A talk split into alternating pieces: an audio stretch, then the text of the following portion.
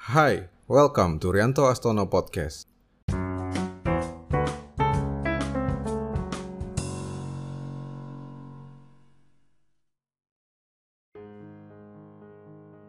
Suatu kali saat sedang bepergian, saya yang waktu itu sedang menyetir meminta bantuan kepada anak saya Zeus untuk memilihkan lagu yang sedang diputar di mobil melalui handphone saya. Maka ia pun mengambil handphone saya, membukanya, dan mulai mencari lagu yang diminta. Tapi ternyata itu tak selancar seperti yang saya bayangkan. Saya melihat Zeus yang kagok dan sangat berhati-hati saat sedang memegang handphone saya, sehingga sedikit kesulitan untuk mencari dan menyetel lagu yang diminta. Saya pun langsung tahu mengapa ia seperti itu. Bukan, bukan karena handphone milik saya itu super mahal. Bukan juga karena handphone saya itu super keren. Malah handphone saya itu biasa banget dan murah meriah. Swear deh. Kisah itu menjadi ide dari podcast kita kali ini. So, jadi, apa yang membuat Zeus begitu berhati-hati dengan handphone saya? Alasan Zeus begitu berhati-hati dengan handphone saya adalah karena saya pernah berkali-kali, baik secara sengaja maupun tidak sengaja, Memberitahunya sekaligus memberi contoh jika aplikasi yang ada di handphone saya itu saya susun dengan sangat rapi dan terbatas hanya pada apa yang diperlukan.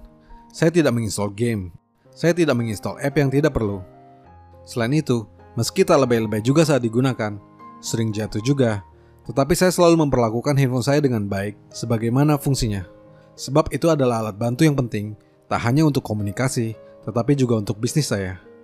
Saya mengunci handphone saya setiap waktu, menghargai privasi saya sedemikian rupa, dan tidak mengizinkannya dibuka, apalagi digunakan oleh orang lain jika tidak terlalu penting. Intinya, saya memperlakukan handphone saya dengan sangat baik. Dan ternyata, apa yang saya lakukan kepada handphone saya juga dilakukan oleh Zeus kepada handphone saya. Well, kenapa begitu? Ini adalah aturan emas, the golden rule, sebuah prinsip yang menurut Wikipedia ditemukan di berbagai ajaran agama, kepercayaan, dan budaya. Aturan ini juga kerap disebut sebagai etika timbal balik. Aturannya cukup sederhana. Jika kita ingin diperlakukan dengan baik, maka kita harus memperlakukan orang lain dengan baik pula. Rasa-rasanya hampir semua orang sudah tahu itu, bukan? Tapi aturan emas yang ingin saya bagikan di podcast kali ini adalah yang plus-plus. Aturan emas plus-plus. Jika ingin diperlakukan dengan baik, maka kita harus memperlakukan diri kita sendiri dengan baik pula. Asiknya, aturan ini tidak menuntut standar tertentu.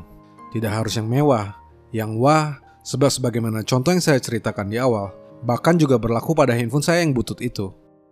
Sebab aturannya, sekali lagi, jika kita ingin diperlakukan dengan baik, maka kita harus memperlakukan diri kita sendiri dengan baik pula. Aturan ini juga berlaku pada perlakuan yang kita berikan terhadap seseorang sebagai cerminan bagaimana orang tersebut akan diperlakukan oleh orang lain yang melihatnya. Jangan bingung dulu, Bayangkan seorang teman main ke rumahmu, lalu melihatmu bersikap biasa saja, atau mungkin kurang ajar dengan orang tuamu. Apa kamu berharap temanmu itu akan menghormati orang tuamu? Mungkin saja bisa, tapi pada umumnya orang akan mengikuti apa yang kamu lakukan. Lah, wong anaknya saja begitu, masa orang lain harus memberikan yang lebih? Ini tentu saja akan berbeda jika kamu memperlakukan orang tuamu dengan baik dan hormat. Secara otomatis, itu akan membuat temanmu yang melihatnya cenderung untuk menghormati orang tua kita. Jika kita ingin seseorang atau sebuah benda diperlakukan dengan baik, maka kita harus memperlakukannya dengan baik pula.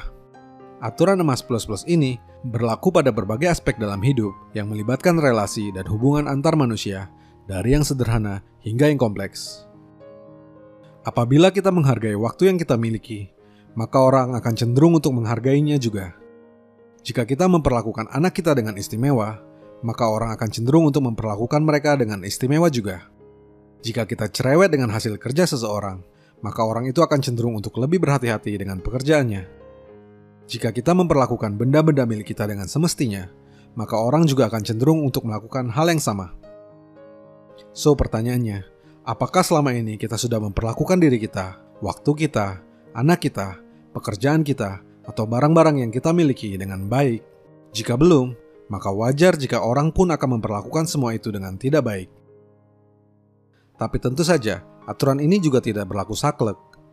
Sebab manusia memiliki sifat dan pilihan sikap yang berbeda, di mana itu merupakan sesuatu yang berada di luar kontrol kita, sehingga sudah jelas jika kita tidak boleh kecewa atau malah mengacukan aturan ini hanya karena apa yang kita harapkan untuk dilakukan oleh orang lain, yang sudah kita lakukan ternyata tidak dilakukannya. Ini justru memberitahu kita tentang uniknya manusia. Kita mungkin perlu belajar untuk lebih baik lagi, memperlakukan diri kita sendiri atau orang lain, atau dalam beberapa kasus menjadi sebuah introspeksi tentang apakah aturan emas yang kita lakukan memang sudah sepantasnya kita lakukan. Sebab memang begitulah cara kerjanya. Sebuah aturan hanya akan menjadi baik saat dilakukan secara pas dan sesuai dengan porsinya. Ia akan menjadi tidak efektif saat mencapai level yang berlebihan. So kesimpulannya, aturan emas itu baik, tetapi berlebihan menyikapi dan menerapkannya tentu tidak baik. Sebab kadang-kadang pada berbagai aspek kehidupan, supaya lebih bahagia dan lebih santai, sebagai manusia kita juga harus pandai-pandai dan lebih sering lagi bersikap cincai. Gitu, Bray.